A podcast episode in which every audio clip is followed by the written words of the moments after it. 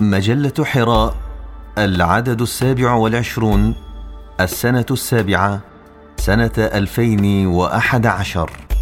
ألوان وظلال بقلم الأستاذ فتح الله جلن.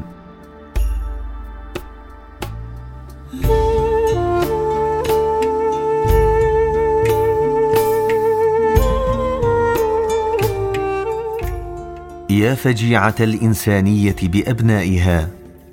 انظروا وأولوا واشهدوا وتفلسفوا. لا تأويلاتكم تجدي ولا تفلسفكم يغني.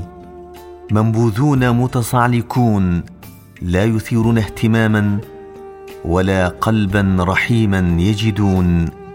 يا إنسانية اخجلي وفي الذات كبدك لا تهملي.